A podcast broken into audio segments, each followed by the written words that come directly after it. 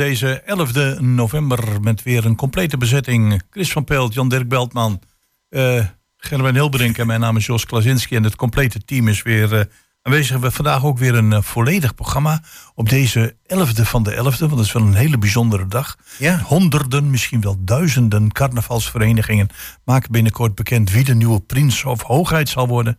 En het is voor een heleboel kinderen misschien vanavond wel leuk want het is Sint Maarten in een heleboel uh, gemeentes in Nederland. Ja. En als we naar buiten kijken, ja, het is wel een beetje herfstachtig. Maar uh, onze gasten die zullen uh, een beetje leven en warmte in de brouwerij brengen. En wie, hebben we te, wie hebben we te gast, Chris? ja, naast mij zit al Marco Krijnsen en hij zit net in zijn eigen nieuwe boek te bladeren. Vind je het mooi, Marco? Ik heb hier net een, eh, een foto van Sint Maarten voor. Ja, dus, oh, uh, nou kijk eens aan. Kunnen we straks misschien nog even op inhaken. Daar gaan we het uitgebreid over hebben. Uh, met zijn nieuwe boek Het stond in de krant. Twente door de lenzen van de persfotograaf. Het zal dan een boek ook zijn met zeer veel foto's erin. Ja, en de tweede gast in deze Goedemorgen Hengelo is Peter Levink. Hij is uh, bij ons ook bekend als schrijver. Hij schrijver van thrillers eigenlijk. Um, ik heb begrepen dat hij met zijn vierde boek bezig is, maar dat alle hobby's, zoals het uh, ontwerpen van etiketten, ook tijdrovend zijn. Dus we gaan hem uh, eens vragen hoe het staat met zijn hobby's en met de vorderingen van het uh, vierde boek. Ja, en dan zal het niemand ontgaan zijn. De dagen worden weer korter. En dat betekent dat Sinterklaas binnenkort zijn intocht gaat doen. En dat doet hij niet alleen op het station hier in Hengelo, maar dat doet hij ook in een van de vele woonwijken. En dat is de Noork. En wij gaan praten met de organisatie van Sint in de Noork. En dat zal dan zijn in de, in de persoon van uh, Jan Mensink, die hier naar de studio komt, om dat onder de aandacht te brengen. Ja, nou, twee uur hebben we ook nog een heleboel onderwerpen, maar dat vertellen we later wel. Ja. Ik wil nu nog even noemen dat er ook nu in de bibliotheek alweer de verkoop is van afgeschreven media. Uh, als je nog een leuk uh, boek uh, heel voordelig op de kop wilt tikken, dan moet je er snel bij zijn. Want ze zijn vanaf negen uur al flink aan het graaien in de bakken. Afgeschreven media, wat een mooi woord, zeg. Ja. Ik bedoel, we gaan nu luisteren naar Jessie van Joshua. Een mooi woord.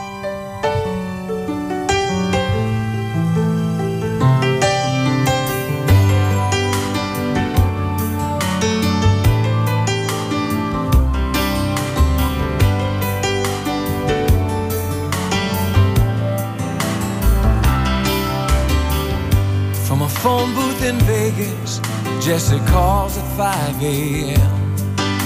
to tell me how she's tired of all of them. She says, Baby, I've been thinking about a trailer by the sea.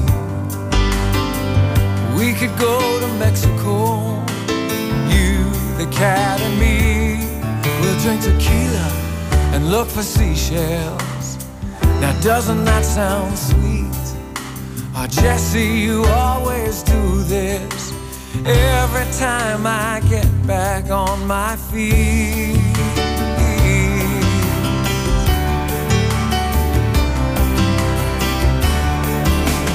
Jesse, paint your pictures about how it's gonna be. By now I should know never free. But tell me all about our little trailer by the sea. Jesse, you can always sell any dream to me. Oh, Jesse, you can always sell any dream to me.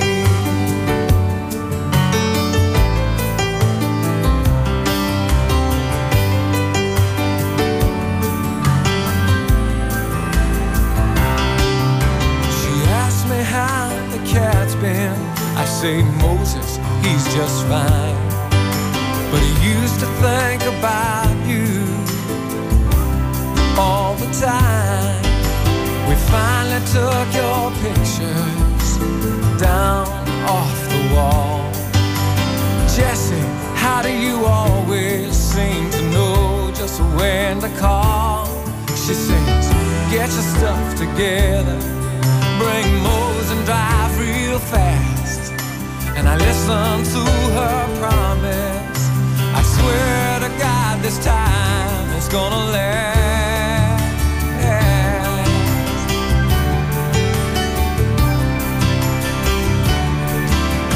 Jesse, paint your pictures about how it's gonna be. By now I should know better. Your dreams are never free. But tell me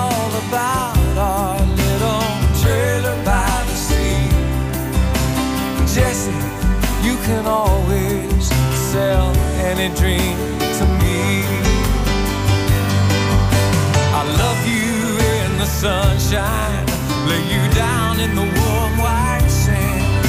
And who knows, maybe this time things will turn out just the way you planned.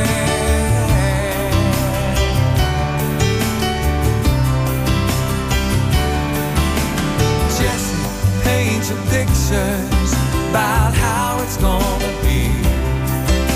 By now I should know better. Your dreams are never free. But tell me all about our little trailer by the sea.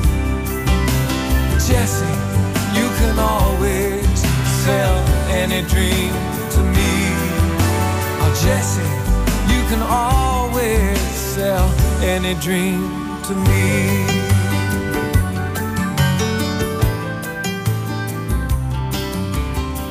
Mooi openingsnummer van deze Goedemorgen Hengelo, Jesse van Joshua Caddison.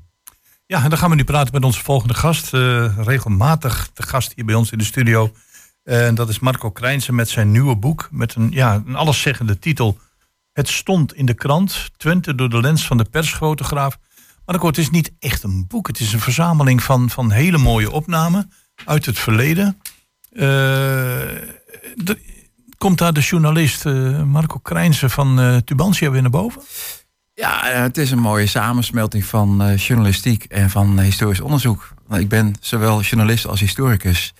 En, en dat heb ik hier heerlijk kunnen uitleven natuurlijk.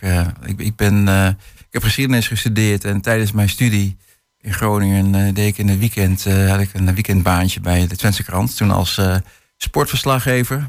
En ehm, nou, dat beviel eigenlijk dusdanig goed dat ik eh, na mijn studie eh, een, een driftige poging heb gedaan om eh, bij de krant aan de slag te kunnen. Als Ja. in vaste dienst. En, en dat gebeurde ook bij de Twentse krant en, in 1989. En daar heb ik 18 jaar gewerkt en eh, sinds 2007 voor mezelf begonnen. En, en daarin zeg maar, de, de journalistiek en de, en de, en de geschiedenis eh, zoveel mogelijk proberen te combineren. Ja, want de Twentse krant en Tubantia, dat waren elkaars concurrenten toch eigenlijk? Ja, dat waren eh, concurrenten, zeker. Ik zat bij de Twentse krant dus. Dat was het kleine, van oorsprong katholieke, maar wat, wat links krant geworden. En, en Tubantia was de grote concurrent in, in, in Enschede. Wat populistisch vonden wij. Eh, wij, ke- wij keken er eigenlijk tegenop en tegelijkertijd op neer. En ehm, ja, dus er was altijd een bepaalde concurrentiestrijd. En, eh, Ja, daar- we, hebben daar een keer een tijdje geleden met Henny Evers over gesproken. De, de, de man van RTVO's, die had daar ook gewerkt. En die zei, er was inderdaad wel eh, sprake van stromingen. Maar goed, even tot het boek. Je zegt van, we hebben daar een bepaalde periode voor gekozen. En dan denk ik dat je moet kiezen uit 100.000 foto's. Nou, meer. Het, bijzondere is eh, in Twente dat er, eh, er zijn verschillende kranten geweest. Eh, vier, de vier steden hadden eigenlijk allemaal een krant. En al die kranten hadden ook allemaal verschillende edities.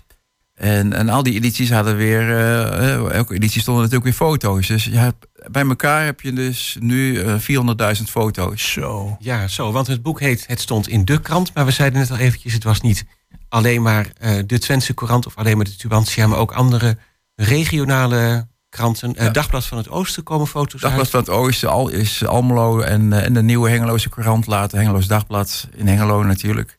Dus eh, ja, je kunt er ook van maken. Het stond in één van de kranten, maar dat werd niet zo lekker, hè? Nee, precies. nou ja, voor de lezer werd het natuurlijk gewoon de krant genoemd. Precies. Welke krant het ook was. Ja. Periode vanaf de Tweede Wereldoorlog. Ja, ja omdat toen pas echt de, de fotojournalistiek ehm, eh, op gang kwam. Kijk, eh, voor de oorlog eh, waren er ook weinig foto's in de krant überhaupt. En eh, de foto's die erin kwamen, die werden gemaakt door fotografen die hun eigen fotozaak hadden. En die af en toe eens werden gevraagd van, goh, kun je daar ook een fotootje van maken? Na de oorlog werd beeld belangrijker. En in 1953 eh, eh, kwam de eerste fotograaf in vaste dienst van de Twentse krant toen. Dat was Jan Bukkerink uit Hengelo. Oh ja. eh, oud Aki-student. En hij had eigenlijk weinig fotografieervaring, maar hij kreeg twee eh, rolletjes in de hand gedrukt en een camera. En vervolgens heeft hij nog wel een opleiding gevolgd. En Jan bleek een hele goede fotograaf te zijn. Ik heb nog met hem gewerkt. Hele aardige vent. Aha. En ehm, eh, dus daar begon die fotojournalistiek ook serieuze vormen aan te nemen. En ehm, ja, eh, daarna ging het heel hard. Dus ehm, ja, en Nou, dat klopt. Dat is ook wel een interessante ontwikkeling eigenlijk. Ik zie dat wel eens in, in vooroorlogse kranten als je daar een pagina van ziet of zo. Lappend tekst, hè? ja, zeker. En, en het beeld, eh, nou ja, als je de krant van nu Hier en daar een advertentietje, maar echt heel veel tekst en stukjes. Ja, het is nu, eh het leven echt in een beeldcultuur. En toen was het echt een, eh, een, woordcultuur. En, eh, maar goed, dit, dit boek probeert dan eh, ook te, te laten zien hoe, eh, hoe die fotojournalistiek ook is veranderd. En eh, eh, dat je in het begin van eh, de jaren 50, 40, 50... zag je natuurlijk ook heel veel hoogwaardigheidsbekleders... en helemaal officiële foto's. En later zag je ook steeds meer gewone mensen in beeld. Eh, ook dat is een ontwikkeling. Want, want de, de, selectie, de, waar we het net over hadden, van 400.000 naar wat hier nu eh, voor me op tafel ligt. 132 foto's, ja. 132 foto's. Hoe lang heeft dat proces? Ja, geduurd? het- dit boek eh, heeft meer tijd gekost bij eh, met het, het selecteren heeft meer tijd gekost aan het schrijven. Ja. ja. Ik denk dat we daar wel eh, een- drie kwart jaar of zo mee bezig geweest zijn met de selectie. Hè? En, en, en uiteindelijk een paar maanden met schrijven. criteria bij eh, gehanteerd. Ja, een aantal criteria. Eén, er moest een selectie worden die over de hele periode ging. Dus zowel de jaren 40, 50 als nou, de laatste jaren. Eh, alle gemeenten, alle plaatsen moesten wel een keer voorbij komen. Ja. Eh, het- en eh, heel belangrijk, het moest om mensen gaan. Hè, want verhalen in de krant gaan over mensen. Gaan over gebeurtenissen. En gebeurtenissen worden door mensen gemaakt. Mm. Of eh, ontstaan door mensen. Dus, eh, en en eh, foto's met mensen zorgen voor herkenning. Dus eh, dat waren de criteria grofweg. Ja, want ik denk dat mensen die dit boek kopen of nu openslaan zeggen van... hé, hey, dat was die of dat was die. En dan komt er gelijk weer een, een, een moment van herkenning naar boven, denk ik. Bij een heleboel foto's, niet bij allemaal. Maar Ja, eh, ja, bij bijzondere herkenning. gebeurtenissen ook. Herkenning, maar ook eh, eh, dat je denkt van... Goh, dat dat toen was, dat kun je toch bijna niet meer voorstellen. Een van de eerste foto's, volgens mij is het de eerste foto zelfs. het eerste hoofdstuk is dan, gaat dan over de jaren 40, 50. En ehm, dat heet dan met weinig tevreden. Hè, zo van, ja, Ja. Eh, de wederopbouw hadden niet zoveel nodig. En eh, nou, die eerste foto is dus eh, van, de inwijding, of de, van de wijding van de kruisen... voor de nieuwe vestiging van de Gundel in Hengelo. Die, die school die is in, in 19, eh, moet ik even spieken, 1952 eh, op de nieuwe plek in, Ja. in Gordrine is die eh, eh, geopend. En ehm, het was een echte katholieke school. Dus Nou. elk klaslokaal moest een, eh, een, een, een kruis hebben aan, het, eh, aan de muur. Ja. En die moesten gewijd worden door, eh, door de priester. Ik heb Oh er ja, zes nou, jaar, zes jaar doorgebracht. Dat, Dat is echt een tijdsbeeld, dat kun je nou niet Ja. meer voorstellen. Nee, dat maar dat gebeurde dus. En nou, dat is een hele mooie foto van. Dus ja, die moesten natuurlijk in. Ja. De, de kerk speelde zo'n dominante rol in, eh, in die periode. hè. Ook een foto van, van Tubbergen, waarin de zusters in de, in de keuken staan te koken. eh, in, in een bejaardenhuis. Oh ja, Eh, oké. Het is een, gewoon een bejaardenhuis, maar daar, eh, ja, En zusters uit een klooster? zusters die, uit eh, de Franciscanessen. Ja. daar in de keuken. Ja, kijk, eh, zorg en onderwijs, die werden heel erg gedomineerd door, eh, door, door, de, door, door katholieke Ja. priesters of door zusters. Ja, In de, de katholieke gebieden van Twente in ieder geval. zeker. Ja, ja. En, en, en Twente is wel voor een heel belangrijk deel katholiek. Dus, eh, en de Twentse krant was katholiek. Dus eh, Oh ja, nou, ja, ja, zoals je al zei. Ja. Ja, de, op de redactieruimte hing ook een kruisbeeld, niet Marco. Maar eh, nee, dat was al lang weg. dan, dan, dan, dan zie je daar een bepaalde opbouw in, in het Ja. boek. Ja. En die opbouw is natuurlijk bewust gekozen. Ja. En dat eindigt tot kort geleden. Ja, kijk, de opbouw is dat je eh, probeert neer te zetten van hoe was die samenleving in Twente nou in de jaren 40, 50. Daarna zie je er een vernieuwing komen. Ja. Een belangrijk moment in die vernieuwing en de vooruitgang, levende vooruitgang, eh, was eh, bijvoorbeeld de opmars van de A1. Eh, moet, je, moet je voorstellen dat eh, de, de steden werden steeds groter, het werd steeds drukker, het verkeer werd steeds drukker.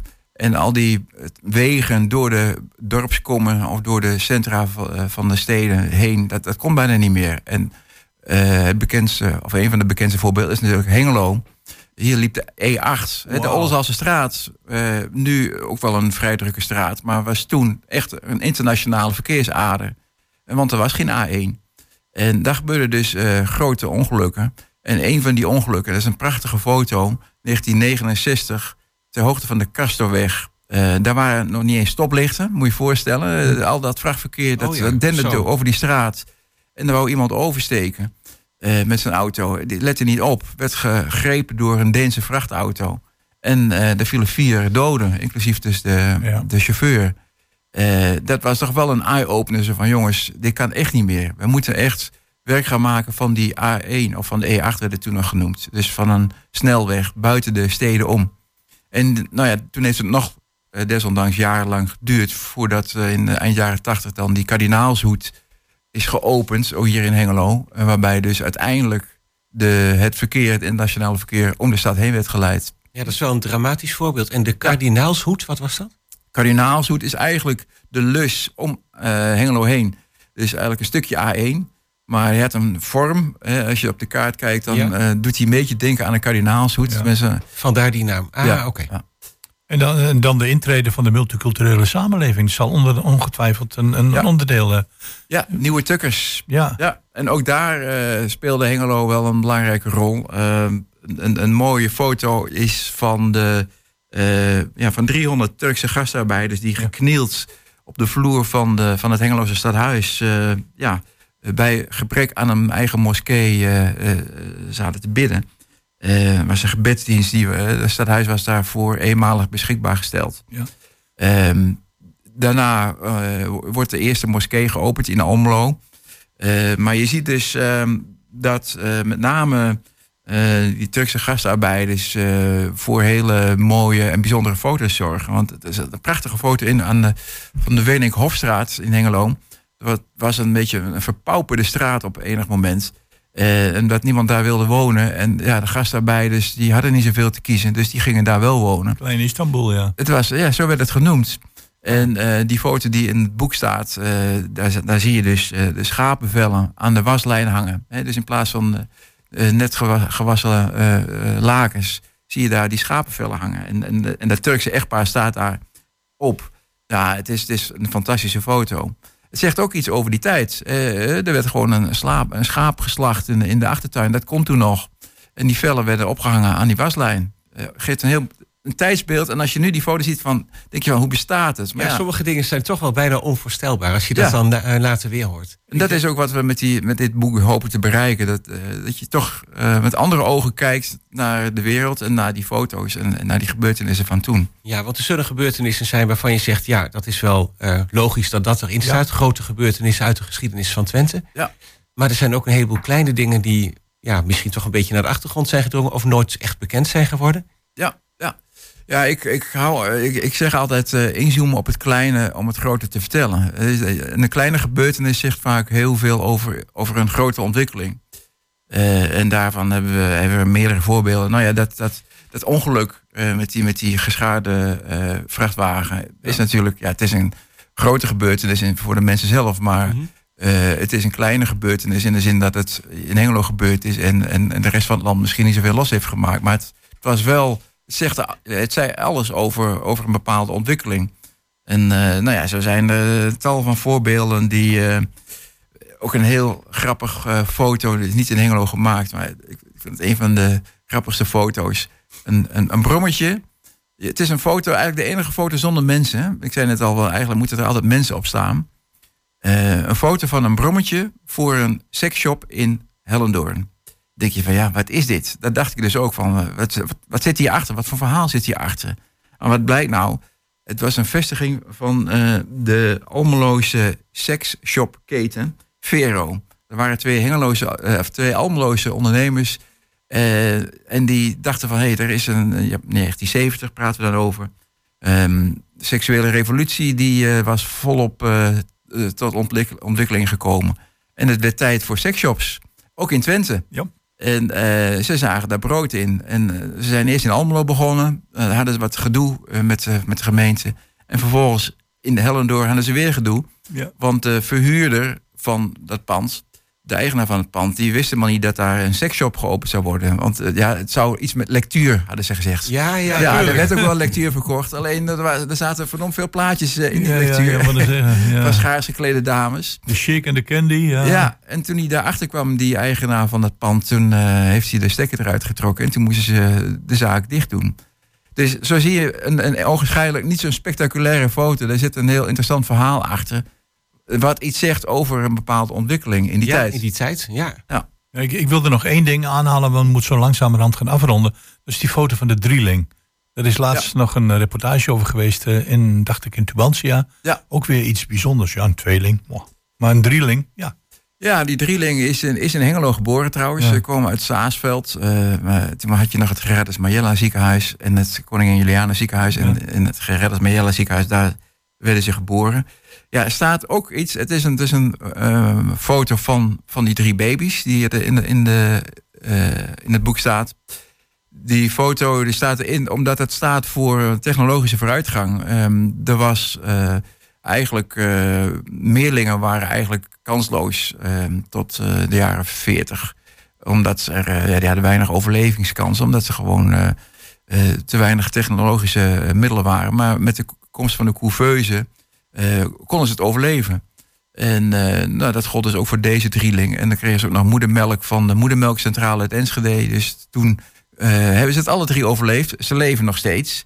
En het leek ons leuk om het eerste exemplaar aan deze drieling aan te, eh, uit te reiken. En dat hebben we vorige week gedaan. Eh, ze, leven alle drie dus nog. En eh, ze voelden zich zeer vereerd. ja Ehm, kan ik me voorstellen. maar de, de drie, en nu zou je een drieling niet meer nieuws vinden. Omdat eh, ja, de, de technologische vooruitgang is dusdanig dat het vrij normaal geworden is. Eh, tenminste, niet echt meteen een nieuwsfoto. Maar toen, ik denk Toen wel. 1960 of rond die tijd. Ja, ja 62 Ja. was, het, eh, was het nieuws. En eh voorpagina nieuws volgens mij. Dus ja, ook daarin zijn de tijden veranderd. Dus ehm, eh, dat is ook wat het hele boek eh, laat zien. Ehm, een, een veranderende tijd, veranderende samenleving. Die je met de blik van nu soms met verbazing kijkt. Soms met een blik van herkenning bekijkt. En ehm, soms eh, met een glimlach bekijkt. Of eh, zoals het hier beschreven wordt, eh, dit fotoboek vertelt op geheel eigen wijze het verhaal van het naoorlogse Twente. Ik kan het niet mooi vertellen. Oké, Marco, eh, overal te koop, overal te bestellen. Ja, de Tweede eerste... druk is inmiddels uit, dacht ik. Ja, eh, de eerste 2000 gingen heel hard en eh, die zijn al bijna op. Dus het eh, uitgever heeft besloten om eh, volgende week eh, de drukker weer aan het werk te zetten voor een tweede oplage. Het stond in de krant, Twente door de lens van de persfotograaf. Met als auteur Marco Krijns. Bedankt voor je komst naar de studio. Succes met de verkoop en wat ons betreft graag tot een volgende keer. Graag gedaan. Ja, dankjewel.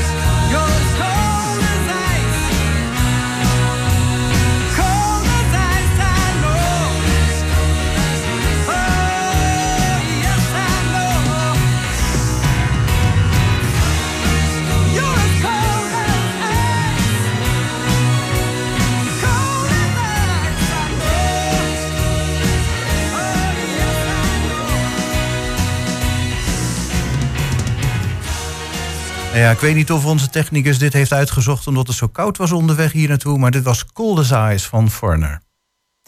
Ja, en na titels als Oma, Geld en Wraak, komt steeds een lettertje bij, is onze volgende gast Peter Leving eh, bezig met zijn vierde boek, maar ook met allerhande hobby's. Een van die hobby's, zeiden we net al eventjes, is eh, etiketten ontwerpen. En ja, hoe gaat het dan met het vierde boek? Peter Leving, welkom in de studio. Hartelijk dank. Eh, nou, leuk dat je er weer eh, bent. En ja, om met die laatste vraag te beginnen. Het eh, vierde boek. Ehm, hoe gaat het daarmee? Op dit moment een beetje traag. Dus, de- de- het verhaal is in, in, in ontwikkeling. En ja. ja, de titel van het boek is ook nog niet duidelijk. Dat komt na afloop. Als het verhaal echt aan zijn einde zit, zeg maar. Oh, dat lijkt me trouwens een goed idee. Dan is Ja. het helemaal duidelijk waar het over gaat. Ja. Onverwachte plotwendingen die nog kunnen komen, Die gaan zeker komen. die kunnen nog de titel gaan beïnvloeden. Ja, die gaan de titel zeker beïnvloeden. Er valt op dit moment niks te beïnvloeden. Want er is nog geen titel. Nee, maar het enige wat we wel weten is dat hij zes letters krijgt. Dat Eh, ja, dat, eh, systeem houden we erin. En dat maakt het extra, extra lastig. Oké. Eh, ja. Dus, eh, ja, dus eh, het moet kloppen. Oké. Nee, ik vond het zeer opmerkzaam van jou, Jan Dirk, dat het ook echt om die letters ging. Ja, maar daar hebben we volgens mij vorige keer ook over hebben gehad. we het over Ah, gehad. oh, Ja, dat ben ik dan weer een beetje vergeten, blijkbaar. Ja, Heel goed, nee, inderdaad. Maar de, zeg maar, een nieuw titel gaat inderdaad zes letters krijgen. Oké. Nou, dan houden we, wat dat betreft eh, blijft de spanning er ook nog gewoon eventjes ingehouden. Ja, zeker. Mhm. Het wordt wel weer een eh, thriller, een spannend boek. Ja, het gaat eh, ja, zeg maar een soort combinatie worden. Thriller, hè, dat is altijd de basis. Maar hier zit ook een, een, eh, ja, een goed stuk romantiek bij. En die twee werelden die gaan samensmelten. Ja. In de Ah. loop van het verhaal. Oké. Dus, eh, en eh, ja, het verhaal niet te veel verklappen. Mhm. Kan ook niet, want ik weet zelf nog niet zoveel. Nee, maar het begin Nee, is... maar het, het begin is, het gaat om zeg maar, jeugd. Zeg maar 11, 12-jarige scholieren die ja, vanaf de, de basisschool de overgang maken naar het vervolgonderwijs. Een jongetje, meisje. En eh, Mhm. zo'n jongetje eh, is, is vrij snel eh, gebekt, zeg maar. Er is overal direct antwoord op met een ver, verlicht meisje. Het is een buurjongetje. Oké. Daarnaast uiteraard een buurmeisje. En die twee vinden elkaar wel heel erg lief. En van het een komt het ander. En dan begint het verhaal te lopen. Daar hebben we de setting voor het verhaal. Nou ja, dat is het- de setting voor het verhaal. En dat Maar- gaat helemaal uit de hand lopen. Ja, want ik zeg, dat klinkt inderdaad als het begin van een romantisch verhaal. Ja. Maar tot nu toe heb je alleen maar thrillers geschreven. Dus het moet ook Ja. heel erg spannend worden tussen Ja, het die... wordt, eh, het, wordt echt ja, mega spannend. ja. ja. Het, is, echt, eh, het- het- eh, af en toe maak ik uiteraard aante- aantekeningen. uh-huh. En van daaruit ga je er weer een verhaal omheen brengen. En dan krijg je in feite losse A4'tjes. En die smelten samen. Ja, want je Ah, schrijft eh, alles gewoon echt met de hand, hè? Ja, de basis, dat is, eh, dat is met de hand. Pen en papier? Of Pen en papier, ja. klopt. Het, de, de, de, de- ik gebruik nog net geen schrijfveer. Maar het Nee, is precies. gewoon, gewoon, een, gewoon een, een bobpen. Ehm en ja, dat, noem het maar een kladje. Ja, precies. En vanuit dat kladje kruip je achter, ja, hoe kan dat anders? Toch wel achter De de... computer. En dat ga je intikken met al de eerste correcties. Ah, juist. Hè, want ga je direct intikken, zonder, zonder kladje, ja, dan, dan staat het er al zo hard. Oh, is dat het? En, en dus dat is fase 2. Oh, Oké. Ja, fase 3 is de lullige foutjes, om het zo maar te zeggen, eruit halen. En fase 4 is het echte redigeren. En dan staat de tekst vast. Maar op het moment van het kladje is je verhaal al geschreven. Ja, oké. Oh, Oké, maar je- in jouw beleving is een kladje dus eigenlijk gewoon iets minder definitief dan dat het zwart op wit op een computerscherm staat. Nee, dat is 70 procent. Ja, ja. Oké. En wel vandaar, eh, oh nee, dit is stukken beter. Oh nee, de- de- deze zinsindeling is mooi. Ah nee, wacht even, eh, het klopt niet. Ja, oké. Maar dan sla je dat kladje over, ja, dan staat het er eigenlijk al. En dan moet je het weer tegenkomen. Dan, dan, eh, dan vind je het moeilijker om het te verbeteren, bedoel je dan eigenlijk? Ja, maar Ja. Dan, dat, dat is een aanloop naar een verhaal. Ja, oké. Maar eh, nou zeg je inderdaad, het kladje dat is eigenlijk het verhaal al. Aan de andere kant zeg je ook van, nou ja, eh, het verhaal staat nog niet definitief vast. Je weet ook het einde nog niet precies, tenminste, dat hoor ik je nog zeggen. Maar heb je het nou, is, is die kla- eh, de kladfase, is die nou al voorbij of nog niet? Nee, nee, nee, nee. Nee, nee. Nee, nee, nee dat, eh, dat vindt ook eh, ja, het komende half jaar eh, plaats. Ieder- iedere week wat. En dan met een half jaar, Ja, ja, volgend jaar mei. ja. Ja, Ja, dan, Het dan, het is, zomaar dan, kunnen zijn. dan is die basis klaar. Maar dat bestaat dan op dat moment niet uit, uit een kilo gladjes. Nee, de- dat wordt verhoudingsgewijs ook in Word gezet. Ja, ja. Dus, eh, ja. Maar het gaat allemaal een beetje langzaam, want je houdt je met heel veel andere dingen ook bezig. Ja, de, de Onder andere het ontwerpen van etiketten. ja, Kun je ja, daar iets over zeggen? Want dat is Ja. een, een uit de hand gelopen hobby, begrijp Ja, ik. nou, eh, daar, eh, daarmee geef je al antwoord op de vraag die je niet hebt gesteld. Nee, precies. Dus het, het is inderdaad een uit de hand gelopen hobby. Want ja, in het begin maak je wel eens van, ja, dat iemand wordt 50 jaar. Ja, wat voor een cadeautje gaan we doen? Standaard is bosje bloemen of doosje bonbons of, of alweer een peperstootstel. Ik denk, weet je wat, eh, we gaan eens een keer een, een etiketje maken en dan, dan plakken we dat op een wijnfles. Heel gedoe. Nou, maar uiteindelijk, hey, hartstikke leuk. En dan eh, enige tijd later, eh, ja, kwam weer dezelfde mo- mogelijkheid voorbij waaien. En toen heb ik dat weer gedaan. En Ah, op, een gegeven moment denk je van, hé, hey, dat, ook al ge- gezien mijn grafische achtergrond en ideeën die ik daarmee heb, dat, daar gaan we iets mee doen. En dat heb ik gedaan. Nou, zo van, maar, een flyer ontworpen. mhm. ja en, die eh, flyer hebben we hier liggen. Hartstikke mooi. Helemaal zelf ontworpen en laten Ja, drukken. ja. Eh, trouwens, ik, kom, eh, je, ik, heb meteen nog een ander idee voor je. Kijk, ik vind dit. Ik heb hier een plaatje met prettige kerstdagen, gelukkig nieuwjaar. Dat vind ik niet zozeer een e- die etiketten. Kun je zo een aanzichtkaart van maken. Ja, dat zou zo kunnen. Wil je nog een hobby? Ik hou het in gedachten. Oké, maar nu zijn het even etiketten voor op wijnflessen. Het is eigenlijk ook ehm, nou, bedrijfsmatig geworden. Hè? Je kunt het gewoon bestellen. Ja, maar het is, het is kostendekkend. Het, het, het, het is hobby is een beetje licht gezegd. Maar eh, ja, Oh ja, gezien bedrijfsmatig alle andere kosten die je maakt met andere hobby's, eh, mag, mag er ook wel iets binnenkomen. Ah, oké. En ehm, ja, je ontwerpt dit helemaal zelf, zei je, want je bent Ja. eigenlijk graficus. Mhm. Uit ervaring. Ja. En, eh, en uit de fotografie, wat ik altijd veel gedaan heb. En dan vraag ik me af, doe je dit ook eerst met pen of potlood op een kladje? Of ga je hier wel gelijk voor achter de Nee, computer dat zitten? gaat ook met een kladje. Oké. Eerst met, met een kladje, want Een dat schetsje? blijft je basis. En van daaruit, maar dan maak je ook al een beetje in het klad de layout. Een beetje een tekeningetje zo. Dus zo gaat Ja, het ja. worden en dan ga, ga je dat uitwerken. Ja, ja. Nou, doet niet iedereen, hè? Maar dit is een manier Nee, van het werken. is, het is een mogelijkheid. Ja, Maar wat ik heb er ook geen haast mee. Als je vaak, en dat zie je ook met, met eh, als er bepaalde deadlines zijn. Hup, gelijk, hup, tak, tak, tak, tak, achter de computer. Het moet af, vanmiddag vier uur. Nou, dat hoeft bij deze nee, niet. precies. Dus, eh, Ehm, nou ja, goed. eh, de- de folder is gemaakt. Ehm, hier staat dan dat dat is voor de wijnkampioen.nl. Ik denk, ik noem het maar even. Ja. En, ehm, maar ben jij dan ook bij betrokken bij die wijnkampioen? Of ben je echt alleen van het etiketontwerp? nee, ik, eh, ik ben veenkampioen. Ah, kijk. Dat eh wilde ik niet even dat ik kampioen ben in wijnen. dat laat ik aan anderen over. Oké. Maar je hebt de website wijnkampioen.nl. Ja, Wijnkampioen.nl, dat is de website. Kijk, dat kunnen we wel een keertje noemen. Ehm, nou ja, goed. Dan het boek hebben we het over gehad. We hebben het over die etiketten gehad. Eh, waar je ook mee in het nieuws bent geweest, dat zijn de buttons.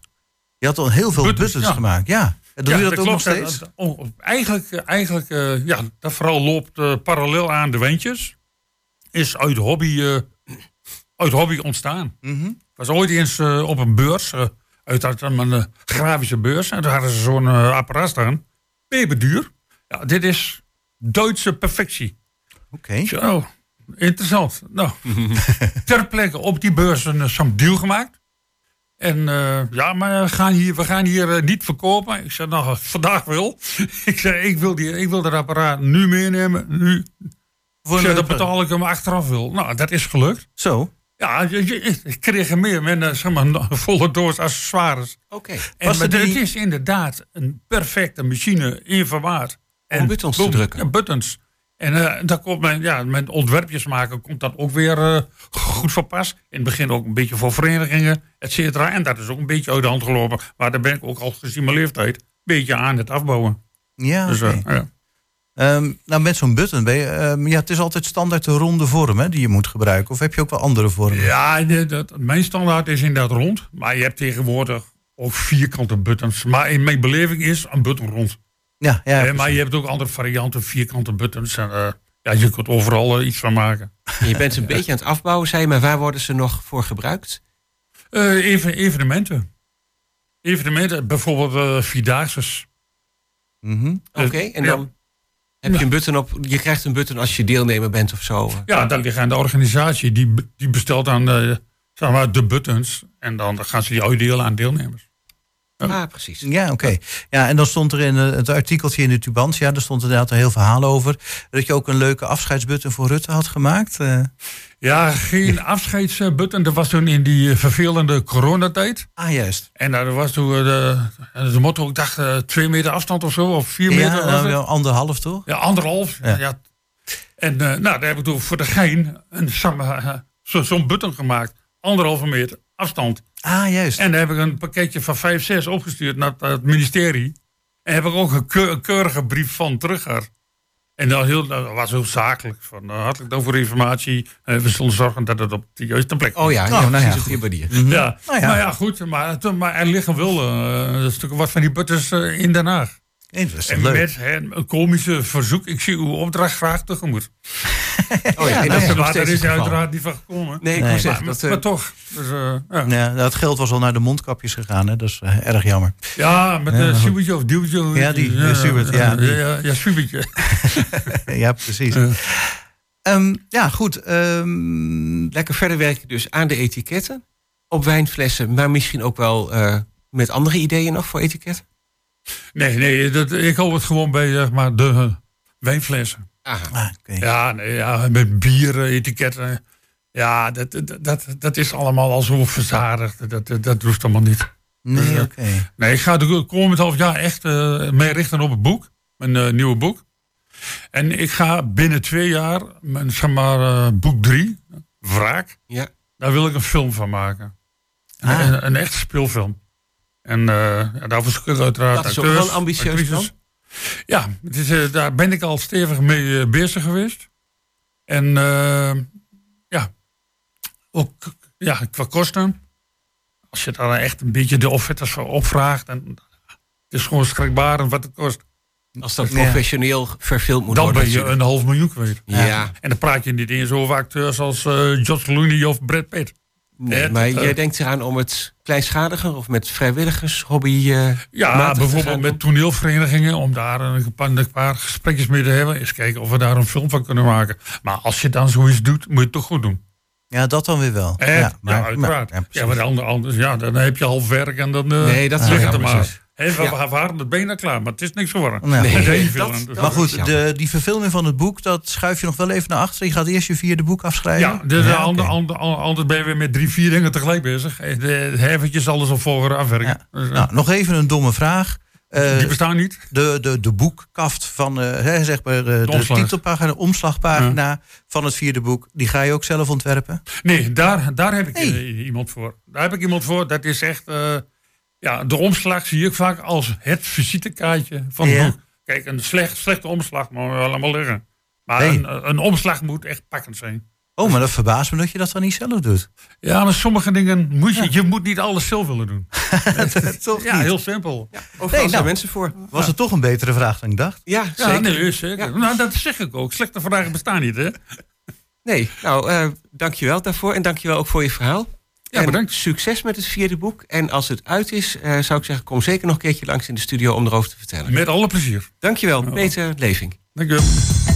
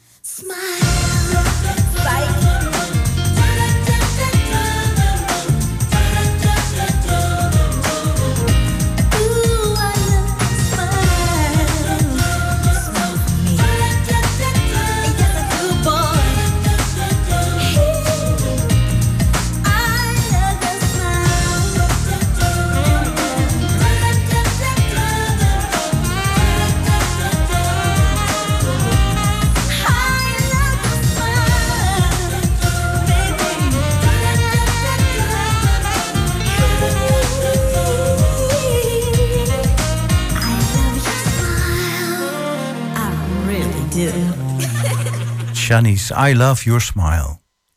Ja, en aan het begin van het programma kondigde ik al aan... het zal niemand ontgaan zijn, de dagen worden korter...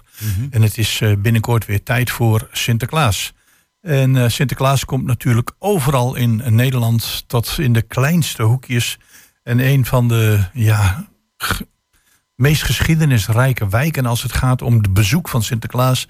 dat is toch wel de Hengeloze wijk, de Noork. De Noork, eh, ja, voor de mensen die al wat ouder zijn... dat was vroeger de katholieke enclave van Hengelo. Oké. Ja, daar mocht je alleen wonen als je katholiek was.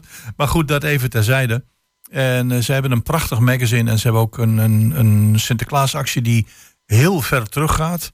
En daarover gaan we praten met eh, een van de, ja, zeg maar de bestuursleden. Ja, Nou, de leden. een van de, leden. leden van de stichting. Ja, Jan, Jan en Jan, eh, welkom in, in het programma. Kun je even iets vertellen over de achtergrond van de stichting De Noork? Voor de mensen die zeggen van het, het, het zegt mij nog niet zoveel. Eh, want jullie zijn al behoorlijk oud hè, als, als, als stichting. Klopt. Nou, als stichting, we zijn officieel een stichting geworden in eh, 2000. Maar in, ehm, als ik het goed heb, in 1937 Zo. was er een kapelaan in, eh, in, de, in de wijk, in de Noork, eh, van de Onze Lieve Vrouwenkerk. En eh, die zag, het was geen rijke wijk, hè? het was een, een arme wijk. En er waren veel mensen, veel gezinnen die het eh, niet breed hadden en die wel een eh, oppeppertje konden gebruiken. En die kapelaan die heeft toen een van de mensen daar, ik dacht dat, het, dat hij Ben Nijhuis heette, die Oh heeft ja. gevraagd van, God Ben, wil jij niet tijdens Sinterklaasfeest als Sinterklaas spelen om die mensen een beetje en die kinderen wat op te beuren? Ja. En die heeft dat gedaan, dus 1937. De Ben Nijhuis, ja, Ja, inderdaad. toen is ja. het dus eigenlijk een beetje begonnen, maar een beetje zo ja, uit, uit een veredeld hobbyisme, uit de goedheid van de kerk, zeg maar, van de Onze Lieve Vrouwenkerk. Ja. En eh, toen, is, eh, toen kwam de Tweede Wereldoorlog. Het was natuurlijk economisch een hele moeilijke tijd, hè, 1937, 38, 39. Toen kwam de Tweede Wereldoorlog. Toen was er even helemaal niks. Of misschien is er op heel laag niveau nog iets gedaan. En toen kwam 1946 en toen is de eerste intocht georganiseerd. Dus toen hebben ze het weer opgepakt. Dus de eerste intocht de Noork was 1946. Dus we kijken inderdaad eh, ver terug in de Ja. geschiedenis. Ja, mooi. En, en eh, jullie organisatie houdt zich dus ook bezig met de intocht, onder andere in de Noord, of ook nog in eh, andere Hengeloze wijken. Ja, we hebben de Noork, dat is, ja, dat is onze basis. Hè? Ja. En dat heeft zich eh, uitgebreid. We doen nu ook de intocht de Slangenbeek. En de intocht, of intocht is het eigenlijk niet, maar het Sinterklaasfeest in Hasselo, in het eh, wijkcentrum Hasselo. Oh ja. Maar de, ja, de Noork, dat zit in onze genen, zeg maar. Maar de Slangenbeek is er eh, een, een, een, een x aantal jaren geleden bijgekomen. En dat is ook heel leuk. Ja. Dus die, die intocht, ja, er zijn heel veel mensen, heel veel leden van onze stichting... die hebben die intocht toch echt op nummer één staan. Ja, maar Eh, ik moet je heel eerlijk zeggen, mijn eigen eh, eh, gevoel is toch dat de huisbezoeken, de schoolbezoeken, de, de bezoeken aan organisaties waar je als Sinterklaas komt, zeg maar.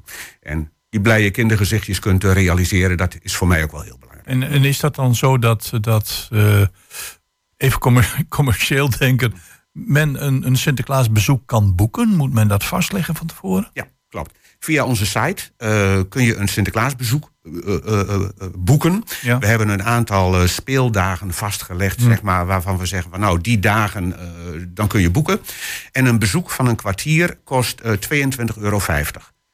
Dan komt Sint met twee pieten, dus dat is heel betaalbaar. Nou, En vanuit de leden hebben we ook al geregeld gezegd... joh, maak er toch 25 van. Nee, zegt het bestuur, doen we niet. 22,50, want we willen het voor zo'n groot mogelijke groep bereikbaar houden. ja. Nou, dat is een eh, heel nobel streven, dat je voor een betaalbaar bedrag... ik moet je ook eerlijk zeggen, en eh, voor de mensen die misschien nu luisteren... en zeggen, eh, we gaan boeken, meestal zit er 25 euro in de envelop... dus dan krijgen we die, die 25 toch, hè, zit er een fooitje bij. Eh, maar we willen het voor zo'n breed mogelijke groep eh, bereikbaar houden. En dat geld wat we allemaal binnenhalen, dat eh, besteden wij weer aan goede doelen. Dus we, be- we bepalen elk jaar drie of vier goede doelen. En daar gaat dat geld dan naartoe. En bij die goede doelen willen we heel graag het verschil maken. Dus we, we schenken het niet aan SOS kinderdorpen. want Nee, dan nee. komt het echt op de grote bult. Maar we schenken het aan. ehm, nou, vorig jaar, ik wil het wel noemen, waren de, de, de- heeft ook nog in de krant gestaan. Er zijn twee meiden in Enschede die hebben een uit de hand gelopen hobby. En die noemen zich de Twentse Pieten. Oh. En die hebben echt een, een ingang gevonden om eh, bij minima, bij echt huishoudens en kinderen die het echt hard nodig hebben, die het normaal gesproken niet kunnen betalen, om daar een ingang te vinden en om daar cadeautjes te brengen op pakjesavond.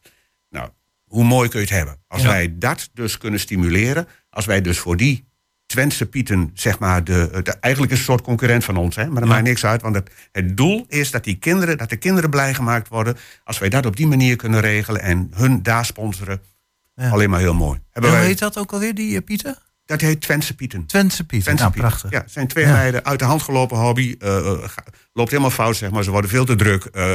dat werkt. Ja. Maar als we die dan kunnen helpen op die manier. Maar ja, in feite, wij hebben ook Pieten genoeg. Dus wat dat betreft is het gewoon concurrentie. Maar het is een heel mooi doel. Gaan. Ja, want eh, dus op het moment dat eh, gezinnen zich aanmelden voor een bezoek, is het eh, eigenlijk direct of indirect, komt dat in een potje terecht voor goede doelen. Dat geld, dat, eh, eh, dat krijgen wij gewoon in de envelop. Eh, Heel simpel, als we binnenkomen, zeggen wij, het bezoek is gepland. We komen binnen, de ouders of de opa's en oma's... die staan met een velletje wat bij ons in het boek moet. Hè, want Ja, ze ja, ja. moet het in het boek lezen natuurlijk. Ah. En bij terug, als we er weer weggaan, zeg maar... dan is één van de pieten altijd verantwoordelijk van... zorg jij wel even dat jij de envelop meeneemt. Ja, dat komt goed. Dus die krijgt dan... eh, je kunt overigens ook een dubbelbezoek boeken. Hè? Als je Ja. denkt van een kwartier is een beetje kort, want ik wil mijn broer ook uitnodigen met de kinderen of mijn zus of zo. Dan doe je een dubbelbezoek. Is ook, eh, dat kost dan 40 euro. Dus dat is dan, als je dat moet delen, is. Ja, dat is heel goed Betaalbaar. te doen natuurlijk. Ja. En, en ja, ga je gaan. Oh, ja, ik, ik zat nog even te, te denken aan eh, eh, zeg maar, hoe lang het al bestaat. Hè. Vanaf 1937, 1946 opnieuw opgepakt. Eh, was dan eh, de Nork en zeg maar die eerste intocht... was dat dan ook landelijk nog een primeur? Of liep het... eh, Nou, was denk ik niet landelijk een primeur, maar er zijn wel eh, wellicht wat primeuren geweest nog in, de, in al die achterliggende jaren. Want op een gegeven moment eh, was, was er geen paard, was er geen wit paard. ah, ja, We hebben ze gewoon een bruine genomen. en niemand die erover viel. nou, Nee. Niemand die erover viel. Ja. hoe- nou, dat vind ik toch heel Maar bijzonder. was er ook niet iets een keer met de helikopter? Nou, we, we hebben ehm, de aankomst van de Sint is natuurlijk op allerlei mogelijke manieren te regelen. Ja. ik moet je heel eerlijk zeggen, Jos, meestal is dat met scholen is dat een prachtig item. Hè? Er zijn eh, van onze stichting er zijn Sinterklaasen binnengebracht met vrachtwagens, met brandweer, met politie, met loeiende sirenes. Met hoogwerkers, met. Je kunt het zo gek niet voorstellen. Maar als je zoiets kunt organiseren, of als een school Ja. ergens zo'n ingang heeft. Ons is niks te gek. Nee, nee, mooi. Wij kunnen gewoon met onze eigen auto komen. Ja. Maar als iemand zegt, joh, ik heb, ik heb wel een oude antieke brandweerauto, dan stappen we daar ook in. Of een hoogwerker of wat dan ook. Dus het, het kan ons niet gek genoeg gaan. Maar dat is met name voor scholen, omdat je dan zo'n toch een wat beslotener gemeenschap hebt. Mhm. En ja, Ja, dan zo van de neef van die of de kennis van die. precies. die heeft misschien nog wel die een- heeft zo'n ja. ding. Ja. Ja, precies. nou hebben jullie eh, ook een eigen website. Maar jullie hebben ook iets anders. Dat vind ik toch wel heel bijzonder. En eigenlijk ook wel heel erg traditioneel. Jullie hebben een magazine. Ja, wij, ehm, dat is van oudsher, hè? Ja. En ik weet niet of je, ik heb hem niet meegenomen, Nee. een oude. De nieuwe die, eh, die, die komt vandaag of morgen uit. Want eh, zondagavond, als je weer een man of tien zondagavond eh, door Ja, de wijk ziet scharrelen met dat is weer die day, onder hè? de arm, Ja. dan zijn wij dat met ons nieuwe magazine. Ja. Dat gaat dan huis aan huis door de bus. Eh, je zit altijd met allerlei dingen. De bussen waar nee, nee op staat, daar mogen we hem niet ingooien. Oh ja. Eh, dat is dan weer jammer. Mm. Maar we hebben toch een magazine en een luxe magazine. hè? Wauw, ja. Ja, het is echt een, een, een kwaliteit van papier en alles is echt luxe. Ehm, eh, dat gaat dan huis aan huis door de bus. En ehm, daar staat dus ook in dat je eh, kunt boeken waar je dat kunt doen op de website. Er staan kleurplaten in die kinderen in kunnen leveren. Van alles en nog wat. Dus mochten mensen luisteren die een nee-nee-steker op de bus hebben. Het magazine komt uit. Er staat een geweldige Piet staat ervoor. Ja, ja, We hebben dit jaar een machtig mooie cover. Ehm, Ja. Ik Als heb je- hem hier je- voor me. Ja, dat ziet er inderdaad eh, schitterend uit, jongen. Echt een hele mooie. Ja. Oh ja, je hebt die van dit jaar. Ik heb hem van vorig jaar toevallig op ge- gevonden. Ja, die ziet er ook heel strak uit. Ook goed vormgegeven. Ja, het is Eh, echt absoluut. eh, luxe. En Ja. ook nog even voor, eh, voor iedereen. We, we hebben heel hoog hebben we de, ho- de goede doelen staan. Dus in eh, september beginnen we al. Dan gaan we alle adverteerders weer langs eh, vragen of ze weer mee willen doen. Dus dat magazine is eh, geheel, eh, dat betaalt zichzelf geheel vanuit de, eh, de, de advertenties. Dus ook grote dank aan de adverteerders die het ook mogelijk maken om dat magazine te maken. En om het geld wat wij dus bij de huisbezoeken en de bezoeken aan clubs en, en, en alles. eh, dat, wat we daar binnenhalen, dat dat ook volledig, maar dan ook echt volledig naar goede doelen kan. Ja, Best wel een, eh, best wel een heel ge- georganiseerd dus, hè? Dat mag je wel zeggen. Ja. ja. Dat mag. En dat is alleen maar erger geworden. Hè? Ja. Wat denk je van alle vergunningen die je moet hebben voor een intocht? Ja, ja, toen we met de redactie bezig waren, toen stuurde Jos een heel verontrustend eh, WhatsAppje van eh, goh, komt de Sint wel naar de, naar de Nork? Het kan niet doorgaan. Ik denk, wat is er aan de hand? Komt dit jaar de Sint wel naar de, naar de ja Nork? nee, nee, maar dat was, dat, dat was meer naar de studio. Maar Ja. Even voor alle duidelijkheid. eh, Mensen moeten dus even het magazine afwachten. En als ze luisteren en zeggen van... Goh, ik, ik, wil, ik wil dat voor dat bedrag zeker boeken. En zeker als er een goed doel aangekoppeld is. Nogmaals, kun je nog even de website noemen? Ja, nee, ze hoeven echt niet te wachten op het magazine. Eh www.sintdenoork.nl Als je daar naartoe gaat, dan kun je boeken. En het is, eh, we brengen dat magazine in de wijk rond. Maar als je in Borne woont, en je wilt, dat kan ook, hè? Ja. Of in Deurningen, of in, in, in, in, niet in de, in de buurt van de Noord, maar eh, Hengelo-Zuid. Kan allemaal. Ja. Alleen als je dus in, eh, ja, in, in, in, bij wijze van spreken in Almelo woont, ja, dan mm, moeten we even kijken, maken we een iets hogere prijs. Want eh, Ja, verzendkosten. verzendkosten bij wijze van spreken. Ja. Maar rijkosten en, en, en rijtijd, zeg maar. Dan, dan wordt de prijs iets hoger. Maar in principe kun je heel Hengelo, heel Deurningen, heel Borne... iedereen kan boeken. www.sintdenoork.nl De Ja. website staat open. Ja, wat te en, zeggen. en, En, dan eh, nog even voor alle duidelijkheid. De Sint komt wel degelijk naar de Nork en dat is op 26 november. Hè? Klopt. Dan is Ja. de intocht de intocht de Noork en dan... eh, we Nou, ik zou zeggen, eh, succes met het verspreiden van het magazine. Bedankt dat je naar de studio wilde komen. Jan Mensink, eh, vanuit ons eh, allebei het verleden zou ik zeggen, de sky is the limit. Hè? maar ja, eh, ja. sintdenoork.nl. Succes Dankjewel. en tot de volgende keer. Ja, graag gedaan. Oh ja, en we zijn aan het einde van het programma, Jos. We moeten het uur afkondigen. Ja, ik, uur dacht, ik zat ook even niet op te letten. En tot zover het eerste uur van Goedemorgen Hengelo. Eh, straks in het volgende uur hebben we ook nog weer een heel druk programma. Ja, dat gaat onder andere over Oekraïne en het be- bezoek wat onze collega Jessie Soepenberg en Ernst Bergboer eraan brachten. Ja. En eh, we gaan ook eh, even praten met Ingrid Keester, een oude bekende van dit programma, over de dag van de mantelzorger. En de problematiek rondom eh, de bureaucratie. Ja, en we En- hebben dan nog Marianne Jansen. En die gaat het hebben over de foto-expositie Goed bezig na je pensioen. En wat dat precies is, gaan we allemaal het En aan volgende het uur eind natuurlijk de Schouwburg. allemaal uitleggen. Prima, tot na het nieuws.